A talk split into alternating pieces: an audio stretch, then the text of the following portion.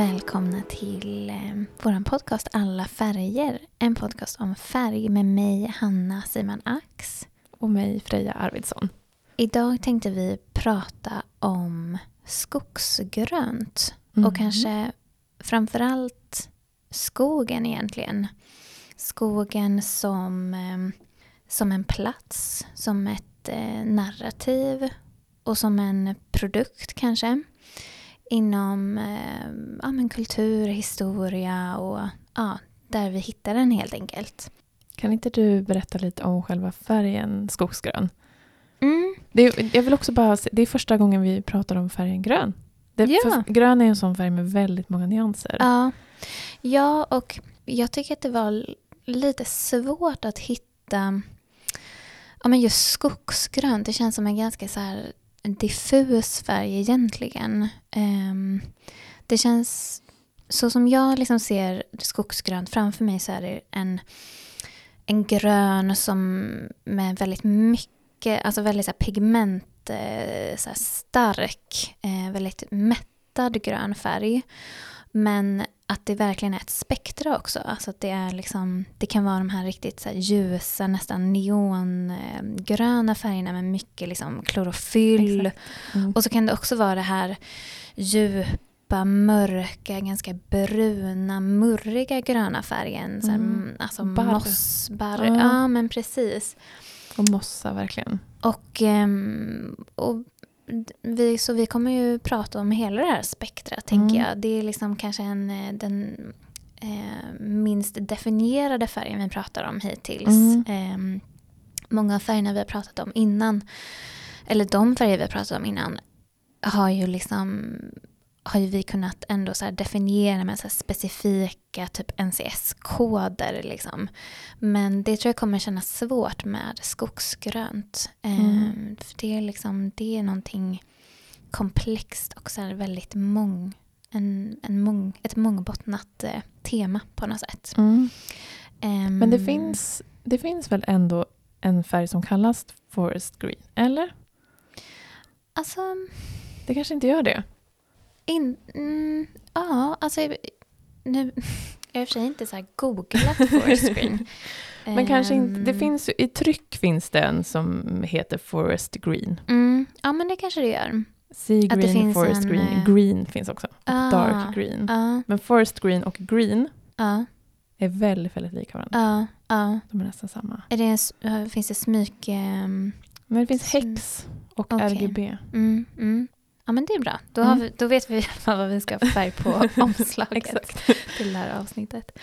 Ehm, ja, men så här, grönt generellt är ju ganska spännande. Jag, för jag tänker på det som den första färgen man själv, eh, eller liksom de flesta, eh, lär sig att blanda själv. Eh, mm, ofta kanske redan när man går i förskolan eller är ganska liten så får man lära sig att gult och blått är grönt. Mm. Ehm, och det här vet inte jag om det, är, om det är specifikt för våran kultur här i Sverige eller om det är liksom universalt. För jag tänker att det kanske också um, kanske finns någon koppling till att så här, ja, men blått och gult är färgerna i den svenska flaggan och att man kanske lär sig rita den när man är liten och, och så märker man när man så här, råkar liksom stryka över det gula med det blåa att det blir grönt. Det kan ju finnas en sån koppling också. Men, eh, men det är ju liksom man får ju ändå betrakta gult och blått som grundfärger och eh, när man blandar dem så blir det grönt som ju också på vissa sätt är ju att betrakta som en grundfärg. Mm. Jag kommer också ihåg, jag kommer ihåg första gången jag blandade grön. Och att jag tänker att när man blandar, de andra Gör du? liksom, ja men typ, att jag liksom, jag, Ja. inte, jag kommer liksom inte ihåg den stunden, men jag kommer ihåg att jag tyckte att det var väldigt häftigt eh, som barn. För att om man blandar liksom gul och röd då, då kan man Mm. ändå ana att det blir orange. Mm. Om man blandar röd och blå kan man liksom förstå att det blir lila, men, Mm. men gul och blå blir grön. Det var liksom, Det, det var inte magiskt. självklart. Nej, och det, och, och um, det finns också en, liksom, ja men det är ju någonting, någonting magiskt kring den förvandlingen på något sätt. Um, och det var faktiskt ett, uh, ganska länge liksom, under medeltiden i alla fall så var det ett tabu kring att blanda grönt. För att man, det var liksom generellt ett tabu kring att blanda olika substanser. Mm. Uh, och därför så, um, om man tittar på uh, måleri till exempel från medeltiden så innehåller ju inte den så mycket perspektiv eller så skuggor eller så. För att man blandade generellt inte färger utan det är mer så här, eh, det var mer liksom så tydliga färgfält. Och så här, här, är ett blått fält, här är ett rött fält. Och man mixade liksom inte så mycket. Och det här tabuet eh, eh, höll i sig liksom ändå eh, typ till renässansen. Och då började man måla mer med liksom skuggor och nyanser och, och sådär. Um, Gud vad spännande. Men ja. är det alltså så att grön inte finns, man kan inte framställa grön färg från typ något material? Ja, man kan göra det. Uh, man kan göra det och um, men till exempel när man färgar textil så man kan använda sig av typ vissa växter och så för att få uh, fram grönt. Men uh, så som jag förstod det så, liksom, så blev de här gröna var ofta ganska så här mjäkiga, inte så, liksom, inte så kulör, inte så kulört svarta eller liksom inte så eh, intensiva som man ville ha det gröna och, och som man kunde få det genom att blanda andra färger. Liksom. Eh, så eh, jag tror om man, tittar, liksom, om man tittar på konsten så kan man nog märka att grönt inte är så, det är inte en jättevanlig färg eh, i liksom medeltidskonst. Mm. Eh, mm. Gud vad spännande. Ja, det var ganska inte. intressant. Mm. Och sen, eh, sen är grönt en, en ganska viktig färg eh, inom många religioner också. Eh, och det latinska ordet för grönt är viridis och det betyder tillväxt eller eh, liv kan man också säga. Och många kulturer associerar den gröna färgen med liksom någonting positivt och med eh, vår eller liksom trädgårdar eller paradiset som eh, inom islam till exempel så är paradiset i princip synonymt med eh, en trädgård. Eh, och det ska också ha varit profeten eh, Muhammeds favoritfärg. Och i Koranen så beskriver man ja, men hur eh, de kläder som man bär i paradiset är, liksom, är gröna. Vad fint. och jag tänker Edens eh, trädgård är ju också en trädgård, eller liksom mm. paradiset i, mm. i Bibeln. Och med trädet som är kunskapens träd. Mm. Ja, men generellt så känns ju liksom det gröna som en, som en symbol för någonting positivt. Men sen finns ju också de här liksom... Grön av avund. Exakt. Eller giftgrön. Liksom. Precis. Mm. Och jag tror att det var Shakespeare som först skrev grön av avund och mm. beskrev liksom en, ett avund eh, med färgen grönt. Och um, så de, liksom, de associationerna finns ju också där. Så det är ju en, ja, en, en komplex färg verkligen. Ja, och det kan, alltså det, att någonting är grönt är ju att det är godkänt eller okej eller bra. Mm. Man kan ju också vara grön, att man är nybörjare. Och det kanske inte Precis. är lika positivt. Precis, och när, man, när en människa är, blir grön i, liksom i huden till exempel så betyder det ju att man är sjuk. Mm. Liksom. Det är ju... ja, nej men det, det är spännande färg.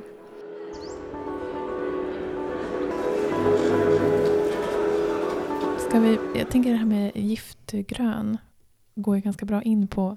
Vi har ju sett en film, båda två. Ja. Som heter Nausicaa från vindarnas dal. Eh, ska vi prata lite om den? Ja. ja men det är ju en film eh, av den här eh, japanska eh, regissören eh, Miyazaki Hayao. Eh, och det är han som har grundat Studio Ghibli som också har gjort Spirited Away och sådär. Mm. Men det här är en ganska gammal, eller den är från 1984 så jag tror att det är en av de första som han eh, gjorde liksom. Mm. Vad, vad tyckte du om den filmen? Alltså först tyckte jag att det var så himla mysigt att titta på den för att den påminde om Mumin. alltså det är också, det är liksom anime, Mumin är ju anime, animerat liksom från mm. början och jag vet inte riktigt när de är gjorda men det måste också vara, alltså det är ändå 90-tal i alla fall, kanske mm. 80-tal. Mm. Att det var så lika estetik. Det var vissa mm. karaktärer också som var väldigt lika. Jag liksom har väldigt så stark relation till, till den tecknade Mumindalen. Så Mm. det var väldigt liksom, Mm. mysigt. Men det var, det var en jättespännande film. Jag tyckte att den... ehm, För den handlar ju då liksom om Nausicaa som bor i Vindarnas dal. Mm. Och Vindarnas dal är liksom en, en grönskande plats som är fri från konflikt och fri från också, eller den är liksom, det finns ett hot som är den här giftiga skogen. Men den, den, den är ju ännu inte i Vindarnas dal, lite grann. Den har liksom börjat göra sig påmind. Typ. Men runt omkring Vindarnas dal så finns det ju massa konflikter. Det pågår ju ett krig Mm. mellan, eh, alltså mellan Pejite och eh, Torumek, Torumekerna, eller hur? Mm, ja. Just det. För den här filmen utspelar sig i framtiden, eller hur? Den, Ja. eh, den, det är liksom ett, så här, en postapokalyptisk värld Mm. där liksom en väldigt liten del av jorden går att, att liksom leva på. Mm. Ja, men precis. Och den har ju liksom det här... Alltså jag tänker att Nausicaa, hon är ju typ den enda människan som fortfarande tror på naturen, eller på något sätt står på naturens sida. Eller så Mm. ser jag det lite som. att För den här giftskogen är ju ett hot och i den bor det också eh, olika typer av insekter. Framför allt de här jättestora åmerna, eller så Mm. heter de väl Mm. som är liksom ja, gigantiska, jag vet inte, kackerlacksliknande fast inte riktigt, de är också lite så snäckaktiga. Mm. Eh, som, som blir arga och de är liksom arga för att människorna eh, har gjort dem illa på olika sätt och då blir de helt rasande och liksom Mm. går till attack. Och hon är ju den enda som som liksom inte vill skada dem trots att de är arga till exempel. Mm. Mm. Ja, hon är ju liksom väldigt god. Mm. Och hon är ju Ehm. lite ett med naturen också. Hon kan Mm. liksom kommunicera med, med de här insekterna. Hon kan också liksom, hon förstår också skogen eh, eller på ett annat sätt kanske. Eller har liksom en, hon ser inte heller skogen som ond riktigt. Nej. Nej, hon ser ju, hon ser ju kanske inte, i och för sig hon kanske inte ser någon som ond men, men hon ser ju snarare människorna som liksom hotet. Mm. Och att människorna liksom i den här världen hotar varandra snarare än liksom en skogen som ett hot. Mm. Men den här skogen, alltså den är ju den är illustrerad på ett väldigt liksom vackert sätt. Både liksom hur den är tecknad och ja, men hur, liksom, hur den låter. Mm. och ehm, ja, men Det är ju liksom, det är väldigt vackra bilder eh, i den här filmen. Men den är ju den är, den är farlig för att det går inte att andas i den. Eh, den är liksom fylld av en massa liksom, gift från, som liksom, eh, pumpas ut av olika så här, svampar och liksom, växter i den här skogen. Men det som man sen förstår och som Nausicaa förstår är att det är liksom inte växterna i sig som är giftiga utan det är jorden som de lever i som är giftig och det är människorna som har förgiftat jorden. Mm. Så det är egentligen människorna som liksom förgiftar sig själva. Mm. Ehm, det är ju svårt att inte tänka på ehm, hur vi lever och brukar jorden och skogen idag. Mm. Ehm, den här filmen är ju liksom... ja, den, den kom ju för liksom, ja, men, mer än 35 år sedan. Men, men det finns ju mycket, liksom, den känns ju väldigt relevant idag. Mm. Jag tänkte jättemycket på kärnkraft när jag såg den. Ja. För det är ju, olyckan i Harrisburg var ju, det var väl den första kärnkraftolyckan också tror jag, det var 79. Okej. Mm. Men, men just med det här, liksom, de här giftsporerna som ramlar ner från himlen och Mm. som, de, som man dör om man andas in. Liksom. Mm. Mm. Så tänkte jag jättemycket på så kärn, kärn liksom, vad heter det, nedfall, alltså farligt nedfall från, Mm. Mm. från kärnkraft. Liksom, Ja, på det sättet är det ju verkligen en film av sin tid. Mm. Liksom. Alltså jag tänker på typ hela liksom, miljörörelsen som utvecklades liksom, på 80-talet och så.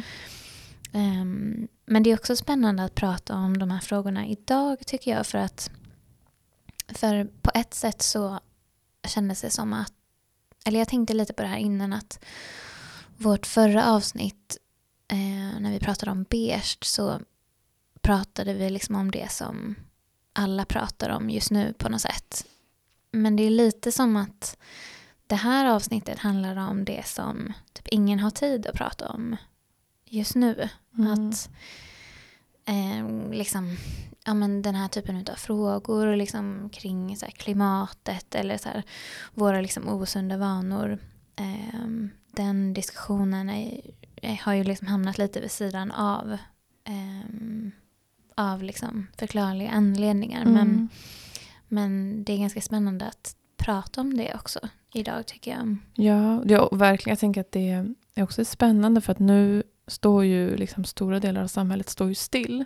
Mm. Och stora delar av det som påverkar miljön väldigt negativt står också still. Alltså man tänker på flygindustrin. Mm. Ehm, men ändå pratar man inte så mycket om, om klimatet nu. Jag tänker att man verkligen skulle kunna prata om det. Liksom. Mm. Mm. Eh, kanske inte liksom, fast det sker säkert också på liksom, alltså på folklig nivå eller vad man ska säga. Men det är ju Mm. också svårt att tänka att alla politiska rörelser är lite upp, eh, alltså alla har stannat till lite grann för att Mm. man inte kan ses typ, på samma sätt. Och Mm.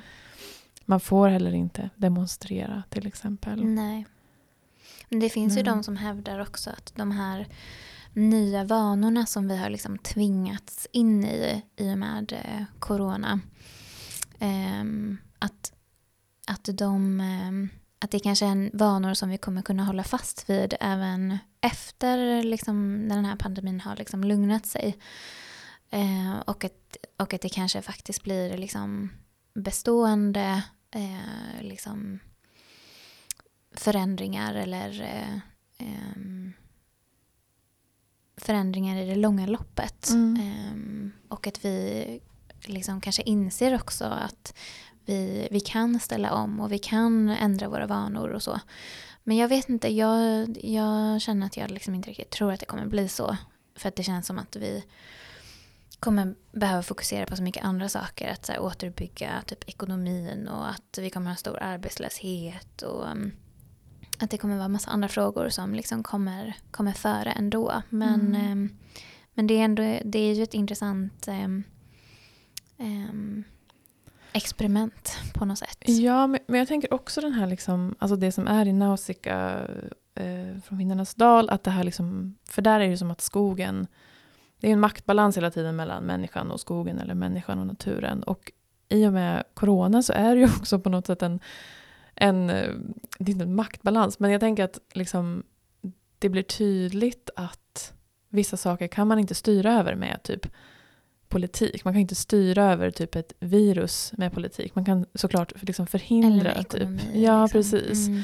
Man kan ju såklart liksom eh, man kan ju såklart liksom göra eller ge restriktioner liksom sådär men, men liksom jag vet inte om man kan säga att man kan se ett virus som naturen men, men jag tänkte också på det när jag såg den filmen att det är liksom den här eh, typ kampen mot liksom en, för i den filmen så är det också ett gift liksom som sprider sig. Jag tänkte lite på det, så den här kampen mot typ ja, en smitta. det är Mm, så ab, mm. liksom abstrakt på något vis. Mm.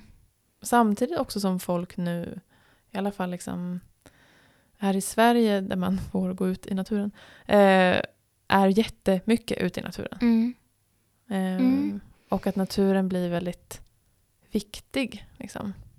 Precis, det blir som liksom det blir fristaden på något Mm. sätt. Det som är liksom bortanför liksom trängseln i stan. Och en, det blir en plats där man kan umgås liksom för att, att vara utomhus är liksom bättre än att vara inomhus. Och, ja, men även om det bara är en, en park eller en, eller en innergård eh, i ett bostadsområde så är det ändå liksom en typ grön liksom, plätt där, där man kan vara. Ja, en- ja. Ja, en tid när många upplever oro också, att det blir liksom en plats kanske att gå till för att typ lugna sig lite. Mm. eller Jag vet inte. Mm. Tyckte du om eh, Nausicaa? Jo, men det gjorde jag. Gjorde du det? Ja, alltså jag tycker jättemycket om den för att jag tycker att den är så inspirerande liksom, det, alltså i sin eh, ja men både typ så här rent estetiskt alltså så, så tycker jag liksom bara att den är så liksom så vacker och väldigt estetiskt tilltalande men också alltså som berättelse så tycker jag att den är väldigt inspirerande och liksom Eh, och känns väldigt eh, relevant. Sen är det ju liksom alltså på vissa sätt är det ju en så här, ett ganska barnsligt liksom sätt att berätta på. Um, men jag kan också uppskatta det. Jag kan tycka att det, är, liksom, att det kan vara ganska skönt. Att det är ganska, så här, uh, att det är ganska lätt att uh, ta till sig den på ett sätt. Men, men den handlar ändå om någonting väldigt komplext på något sätt. Den handlar ju om liksom relationen mellan människan och naturen på något vis. Jag tänker också relationen människor emellan. Eller att det är liksom konflikter mellan de här städerna. Liksom. Mm. Eh, och att det är det som är det verkliga hotet. Att de, liksom, är, ja, att de rustar upp. Den är också, visst är den också gjord under eh, kalla kriget. Det är liksom, mm. Den känns väldigt, eh, den känns väldigt liksom som en del av sin tid. Liksom. Mm. Mm. För, de, men för att det liksom de här olika liksom städerna rustar och de bygger också upp ett sånt monster som de har, som de har hittat. Typ mm. ett hjärta, eller jag förstod inte riktigt, men de har hittat mm. något hjärta som de liksom, mm. eh, eh, föder upp till ett stort monster som ska kunna liksom mm. bränna upp den här skogen. Mm. Och då, ska, och då ska det vara löst. Men, men det är som att naturen glömmer aldrig. Den har ett, mm. ett, liksom, ett minne som man inte kan typ elda upp för att då blir den bara argare och argare. Mm, mm. Man måste liksom bli vän med den. Mm. Och det är bara Nausicaa som kan det.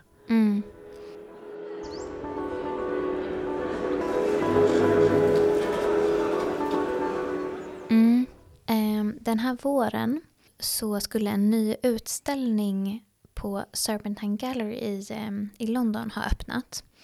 Och det är en utställning om skogen eh, den heter Cambio eh, och den är kurerad av en eh, designstudio ehm, som heter Forma Fantasma.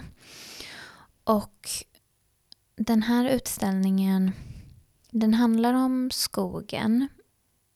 Rätt mycket om skogen som en, eh, som en vara och liksom om skogsindustrin.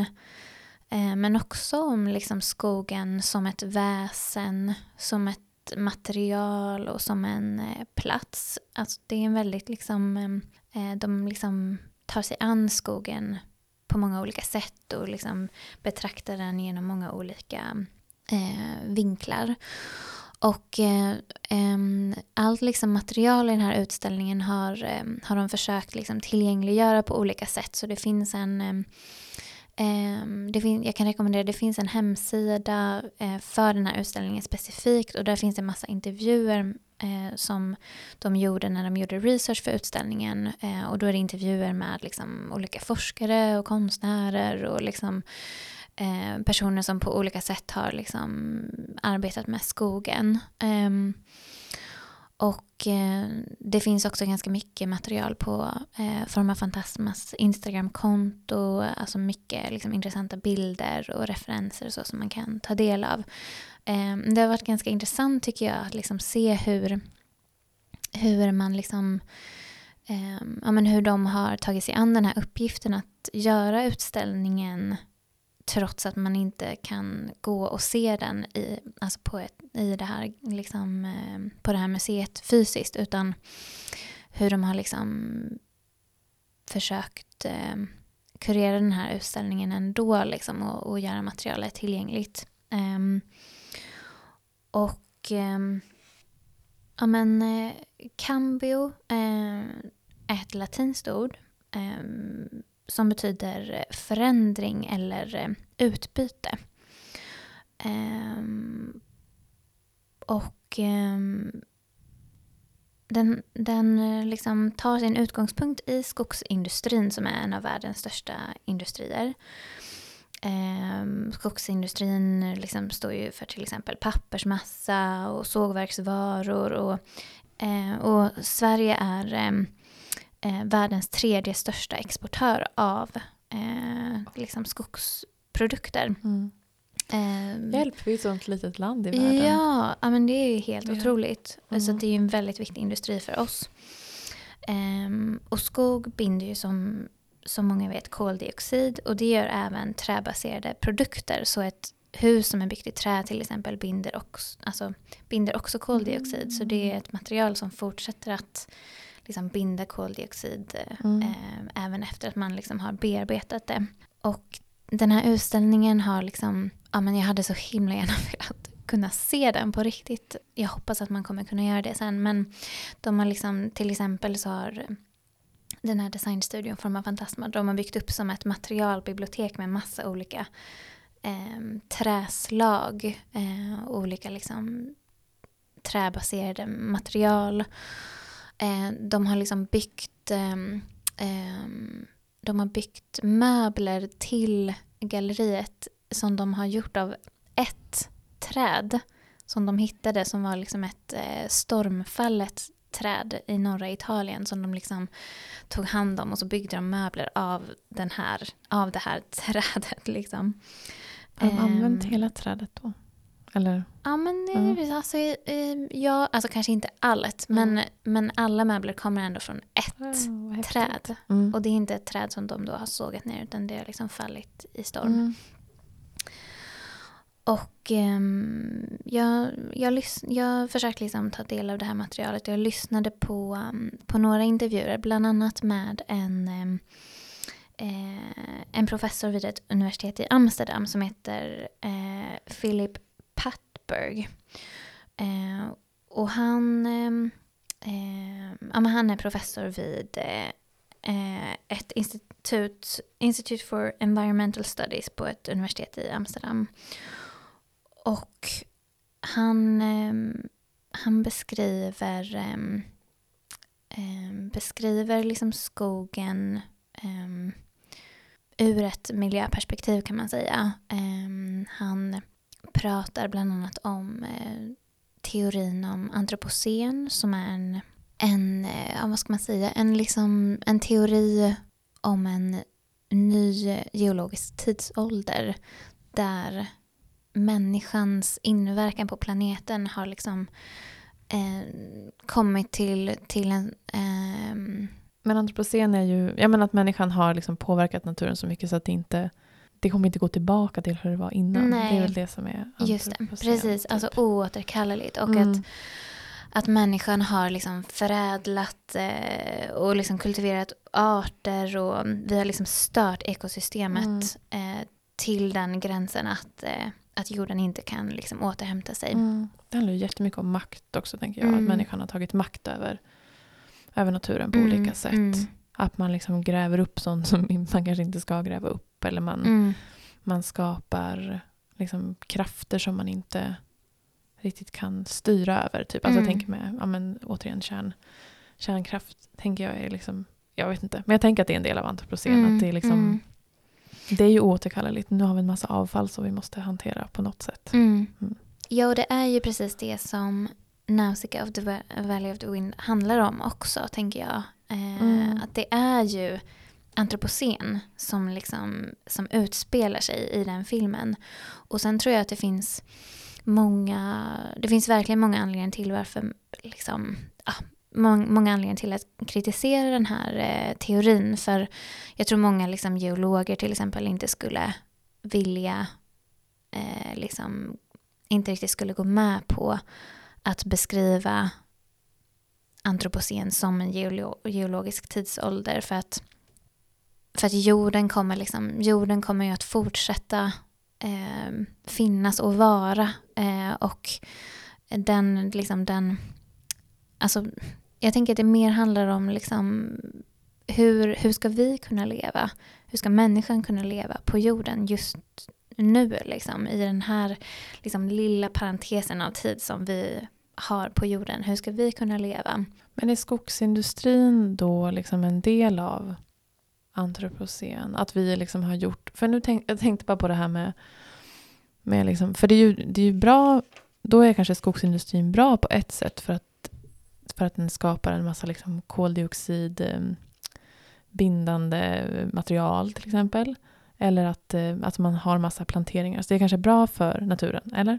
Men, att, eh, men det blir ju också som att bara den skog som, som är en del av en industri får finnas till slut. Eller jag tänker att det är väl ett problem. Liksom. Mm. Att, liksom, så gammal skog, alltså urskogar och regnskog och sådär, det är, liksom, det är inte heller någon, det är något man väldigt snabbt tar bort.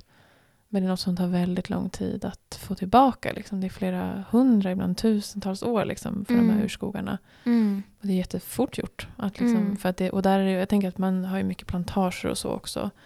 För alltså till exempel sojabönor odlar man ju, liksom, det är bördig jord och så. Och då, det är så snabbt gjort att liksom bara ta bort den skogen. Ja. Mm. Ja, men det, det, är liksom, det, är spännande, det är spännande att ta del av eh, ta del av det här utställningsmaterialet för att det berör liksom en, en, väldigt, liksom, en väldigt global och stor industri eh, som är väldigt svår att, så här, att greppa eller förstå. Eh, det är väldigt många, liksom, väldigt många människor och liksom olika eh, platser och företag inblandade. Och, ja, men han beskriver också den här, eh, den här professorn eh, Philip, eh, Philip Patberg att eh, ja, men hur liksom hur någonting som blir så liksom eh, så globalt och liksom gränsöverskridande eh, vilket ju också så här, naturen är i sig den är ju också gränsöverskridande den bryr sig inte om gränser Nej, Eh, precis, naturen är vild och människa, eller att det är liksom natur står ju för det vilda och människan kanske för logik Ja. och liksom kultur. Typ. Men Mm. hur det liksom, alltså den typen av system som är gränsöverskridande och inte, inte, liksom, inte bryr sig om gränser eh, liksom blir väldigt komplex. Eh, och därför är ju också klimatfrågan väldigt komplex. Den, det är ju en så här, ett, alltså, eh, om man ska se på, eh, på liksom klimathotet eller den frågan som ett objekt så är ju det ett väldigt liksom komple komplext liksom, objekt som, eh, som man inte vet liksom, hur man ska prata om eller hur man ska eh, liksom, ta sig an. Det är liksom ett, eh, ett problem som, eh, som är väldigt svårt att beskriva eller liksom förstå. Ehm, ja, men det, det finns en, eh, en ehm, författare som beskriver det här väldigt bra. Eh, och jag läste lite av, av honom ehm, för några år sedan. Han heter Timothy Morton och han har skrivit en bok som heter Hyper Objects som handlar just om det här. Alltså någonting som är eh, väldigt globalt, systemöverskridande, gränsöverskridande. Eh, det kallar han för ett hyperobject. Det är liksom någonting som inte liksom går att förstå. Eh, om man liksom försöker liksom zooma in mot det så, så, eh, så missar man liksom, alltså man måste försöka liksom se hela spektrat. Mm. Ehm, och så tänker jag också att så här, skogen är, det är ju ett spektra, det är ju ett spektra av gröna nyanser, det är ett Mm. spektra av liksom eh, av eh, liv, kultur och liksom plats och produkter. Alltså det, den är liksom allt. Mm.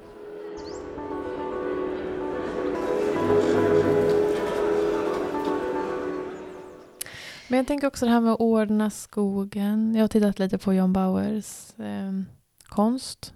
Och jag tänker att de flesta har, har ju ett litet hum om hans trollskogar. Och de har ju också ett sånt starkt ideal. Alltså jag tänker att de, hans, John Bauers skogar har satt en sån stark prägel på oss liksom här i Sverige. Eh, på hur en, sko, hur en skog är vacker. Mm. Och hur en skog kanske är magisk. Hans skogar är ju väldigt så... De, alltså dels att, att de är... De, han har ju ofta ett sånt väldigt tydligt ljus i sina bilder som kanske är fokuserat på en typ varelse eller sådär. Mm. Eh, men det är väldigt liksom, det är väldigt en skog man verkligen vill typ så träda in i och så. Man vill drömma sig bort i den här skogen. Men sen lyssnade jag på en obs där de pratade om John Bauer. Liksom. Och då pratar de också om att hans skog inte mår bra. För att det är en Mm. sån eh, ordnad skog. Det är liksom ett, det är ett väldigt högt ideal i hans skogar. Det finns inga liksom, nedfallna trädstammar som ligger och ruttnar. Och det finns, Just det finns liksom ingenting av allt det där som innebär en väldigt liksom, fin artrikedom. Eller stor artrikedom. Liksom. Ehm, det finns inte, den- alltså det är inte en massa olika träd, det är inte en massa olika växter, utan det är de här höga stammarna av en och samma sort. Och det är väldigt Just det. städat. Han har en sträng, en sträng natur i sina bilder. Och att det har ju också... mm, Han var ju verksam runt sekelskiftet. Och det är ju en skog som vi fortfarande idag liksom ser som ett, så här, ett starkt ideal. Mm. Eh, Ja, jag tänker också, vi, vi pratade ju tidigare em, innan vi spelade in om, em, om typ skogen som så här nationalromantisk Mm. symbol inom konsten och litteraturen. Mm. Alltså den här, eh, så här liksom svenska skogen. Em, vi pratade om, um, och vad heter han, Gustav Fjästad som, som eh, typ bara målade så här, skog i snö. Med så här granar som är så här, tunga, tunga av liksom snö som Mm. ligger. Och så tänker jag liksom att den skogen, ja men precis som så många av de här nationalromantiska, nationalromantiska symbolerna, den finns ju liksom inte. Den, den fanns ju inte då och den finns ju verkligen inte idag. Eller den kanske gör, alltså den finns ju på vissa platser Mm. och man kan uppleva den ibland. Men det är ju inte det, är ju inte det som är typ det som beskriver vårt landskap. Nej. Nej, det är det ju verkligen inte. Men man gick ju också från liksom, naturalismen eh, som var väldigt så liksom, logisk och realistisk till att eh, in i symbolismen som var mer liksom, att man besjälade, besjälade skogen då till exempel och besjälade landskapen och det var inte lika viktigt att, att det skulle vara korrekt liksom, avbildat. Och impressionisten, impressionismen, alltså konstmässigt, är ju också eh, där kring sekelskiftet. Och den är ju inte heller så liksom, eh, liksom exakt avmålad. Så jag Just tänker det. att det är liksom, man går in i en, alltså där vid sekelskiftet, man går liksom in i en skog som bär en massa, en massa berättelser på ett annat sätt. Det är liksom inte, idealet är inte att avbilda ett landskap liksom så som det ser ut. Och idealet är kanske inte heller att liksom ja men det här, det här är ett sånt träd och det är så här. Liksom, utan det är mer Mm. att liksom, vem kan bo i, de här, i den här skogen? Då som John Bauers troll och Mm, liksom mm. väsen. Eller, ehm, ja, men han gick, övergick också, han gick ju bort eh, 1918 men, men ehm, i en båtolycka. Så han dog ganska ung. Men, men liksom mot slutet av, av sin liksom, målarkarriär, så innan första världskriget och så, så gick han över. Han målade liksom inte träd läste jag. I Mhm. liksom, när första världskriget började. För att han, då övergick han istället till att måla, om det var kubistiska former. Oj, Eh, det är så här den John Bauer som ja, jag- ingen, eh, jag måste kolla. Här, ja. ingen kände Nej, det till. var som, det är just det, det var trollen. De blev alltför begränsande. Och han började teckna kubistiskt. Aha. Men jag tänkte också på det här med den gröna färgen. John Bauers målningar är ju aldrig gröna. De är ju bruna Ja, typ. de är ju bruna. Ja. Verkligen bruna. Ja, jag undrar om man, liksom, om man eh, studerar liksom ett, ett verk av honom så tänker jag att man kommer hit, knappt hitta något grönt. Liksom. Men skogen är ju verkligen inte bara grön. Nej. Nej, verkligen. Det är ju jätte, alltså, väldigt mycket stammar och större delen av året är det ju bara stammar. Mm, Eller inte mm, större, hälften av året. Mm. Mm. Ja, men precis.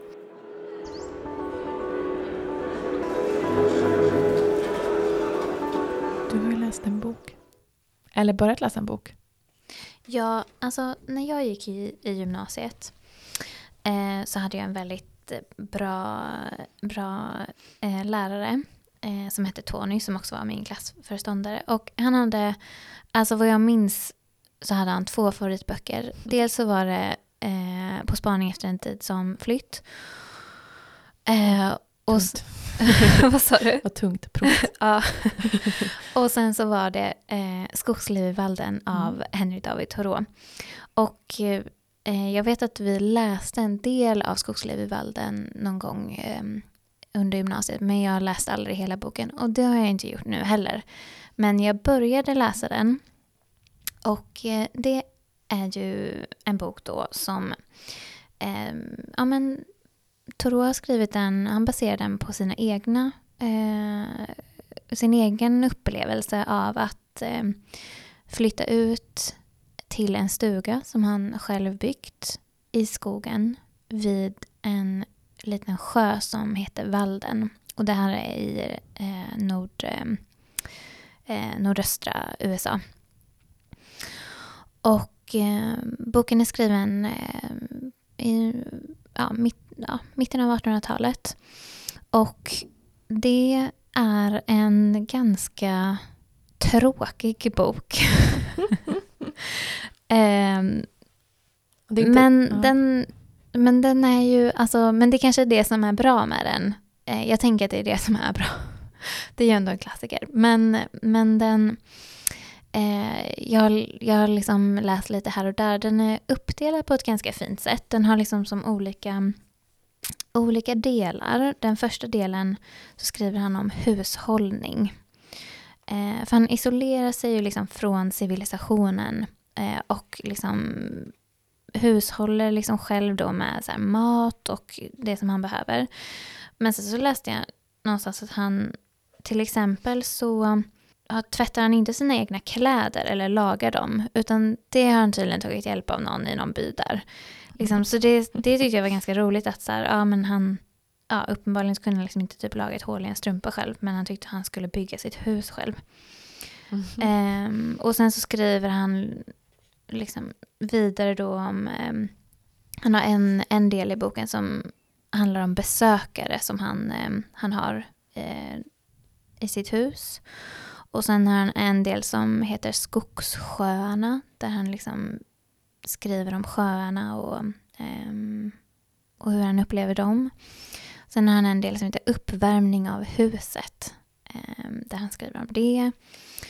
Eh, ja, och så vidare. Och det är liksom... Eh, ja, men han, han beskriver liksom allt. Eh, han beskriver eh, hur mycket pengar han lägger på mjöl. Hur mycket, liksom, hur lång tid allting tar. Eh, och liksom, ja men i princip varje steg han tar under de här två åren som han bor eh, i det här huset. Eh, och han har en ganska så här sarkastisk ton tycker jag, där han liksom ja, men så här, tittar ganska kritiskt på hur människor eh, lever och, eh, och han liksom han eh, var ju både filosof och författare och han betraktar liksom människor som att de är liksom fast i fast i civilisationen, fast i sina mönster och i sina vanor. Eh, att vi är liksom någon form av slavar. Ja, men redan då, liksom, när han skriver det här, mitten på 1800-talet, ett, liksom, ett osunt liksom, sug efter, så där, ehm, efter typ information och eh, liksom, kommunikation och, eh, ehm, och han eh, tycker ju på något sätt att han lever typ det liksom ideala livet genom att eh, flytta ut till, till den här stugan. Men det är ju, det är ju ganska intressant eh, att det som han kritiserar då fortfarande liksom, alltså det känns som en kritik som, som känns relevant idag också. Mm, ja, eh, och någonting som många nog reflekterar över. Och jag tänker också, ja, men som nu idag, eh, liksom, eller den här tiden med corona och så, eh, så är det ju många, alltså många har ju liksom gått över till en mer liksom digital eh, liksom kanske kommunikation och eh, eh, tillvaro. Eh, och det är ju också intressant i, liksom, i typ ljuset av den här boken på något sätt. Eh, hur, liksom, hur vi kanske har, eh, har blivit ännu mer transparenta i så våra sociala medier och liksom, i vår digitala kommunikation. Eh, för att det är ett sätt för oss att känna oss nära. Mm. Ehm, Mm, vad- Och var kommer behovet av den här närheten mm, ifrån liksom? Och den här Mm. kän- alltså, liksom, strävan efter att känna sig kopplad mm, till andra människor. mm. Menar han då att, att det räcker att vara kopplad till naturen? Eller att man ska liksom... Mm, jag tänker det. Ja. Det är det som han utforskar i alla fall. Är han kritisk till hela det samhälle han har lämnat? Ja, alltså Spännande. både, ja, både och tror jag. Mm. Alltså, mm, Jag bara, får, bara tänker på Ut ur ekorrhjulet. Alla Mm. Ut ur ekorrhjulet-böcker som kommer nu, idag. Liksom. Och det, det, var väl inte det han gjorde, men... det är så här ut ur alla sådana böckers liksom, moder. Familjen Mandelmans Ja. min största inspiration. ja, nej men jag, Nej, men, ja. eh, jag eh, personligen tycker så himla mycket om att bo och leva i, i städer. Men det här känns ju som en återkommande diskussion också som vi typ har, ja men liksom du och jag eller så bland våra vänner liksom för det, det finns ju verkligen många i vår generation som också så vill flytta från stan och Mm. bo på landet. Mm. Eh, och allt vad det innebär. Mm. Ehm, men det är ganska svårt att leva helt utanför civilisationen. Mm, jo men det är det, det, är det, går ju verkligen. typ inte. Eh, men jag tänker att det, fin- att det verkligen finns en sån längtan hos många att leva självförsörjande. Eh, och att istället, alltså, men, men det är också ett sätt att liksom, istället för att ändra det samhälle som man, som man lever i så kan de som har råd, för det, alltså de här ekorrhjulet-böckerna är ju, inte alla kanske, men, men en del är ju liksom personer med så redan god ekonomi som bara, vi kunde enkelt spara 10 000 Mm, i månaden mm. och då har de råd sen att, att flytta ut Mm. på landet och leva ett självförsörjande liv. Mm. De behöver inte jobba för att samhället de lever i ska ändras. Liksom. Ehm, men det var kanske inte det han gjorde. Men det är, en intress- det är ett intressant liksom, sätt att kritisera sitt samhälle, att lämna det och sen vara liksom, dömande mot det. Mm. Eh, och det tänker jag också, alltså, jag tänker att det finns lite i miljörörelsen också, att man liksom att man kan köpa sig fri. Alltså inte, det är inte det miljörörelsen består av, men jag tänker att det har blivit ett resultat av typ miljörörelse i kombination med kapitalism eh, och individualism, att man kan köpa sig fri. Liksom Mm. man, kan köpa, man kan köpa ekologiskt, man kan, eh, köpa, man kan undvika att köpa plast. Man, och sen så har man liksom lite, då har man blivit god. och så Mm, har man mm. liksom, då har man inget ansvar längre för Nej. miljö, miljön. Men man lever ju fortfarande i världen och om miljön förstörs så förstörs ju ens värld. Alltså det är liksom Mm. Mm. att man kan kritisera saker inifrån eller utifrån. Mm. Mm. Jag vet om det Ja, men precis. Och han skriver ju också, han, eh, Thoreau skriver den här boken, eh, Skogsliv i Valden, ehm, liksom som en, ja, vad, vad är den, eh, vad är den liksom korrekta, eh, det korrekta ordet? Han skriver det som en tillbakablick, alltså han skriver Mm. det i... Eh, dåtid eller vad? Nej, ja, eller vänta, men- som en tillbakablick. Jaha, han har, han har åkt från skogen. Ja, Ja. han skriver det som- efteråt. ja, när han skriver det tillbaka. när han är tillbaka i, eh, Mm. i eh, civilisationen igen. Mm. Eh, och då beskriver han det som att han är... Han, han skriver så här. Ehm, eller just det, han, mm, delar av boken skriver han, eller han har ju liksom sammanställt den efteråt. Så han, han börjar boken så här. När jag skrev följande sidor, eller snarare den största delen av dem, levde jag ensam i skogarna, mer än en kilometer från närmaste granne, i ett hus som jag själv hade byggt vid strandkanten till skogsstjärnan kärnan, eh, Walden i Concord, Massachusetts. Och jag förtjänade mitt levebröd med inget annat än mina egna händer. Jag levde där i två år och två månader. Och så skriver han För tillfället är jag åter gäst hos civilisationen. Ah. Ja, han är ju, han är ju något, han är bättre då än de andra som bor i civilisationen. Ja, men han är ju bara tillfällig gäst Ja, precis. Det är i liksom civilisationen. Inte, han, är, han är naturens man då, kanske. Vad spännande. Jag vill också läsa den här. Mm. Läsvärd, tycker jag. Skumvärd. Mm. Den är värd att skumma igenom. Undrar vad din lärare hade sagt. Ja. ja, får, jag, får jag läsa en dikt av Edith Södergran ja, som avslut? Väldigt Hon är ju också sekelskift, ja, verksam kring sekelskiftet. Så lite i den här symbolismen, eh, John Bauer-tiden. Mm. Men jag tyckte också den passade bra ihop med Nausicaa-filmen. Eh, jag ska hitta den här bara. Den heter Skogsdunkel. I den svårmodiga skogen bor en sjuk gud. I den dunkla skogen är blommorna så bleka och fåglarna så skygga. Varför är vinden full av varnande viskningar och vägen mörk av dystra aningar? I skuggan ligger den sjuke guden och drömmer elaka drömmar.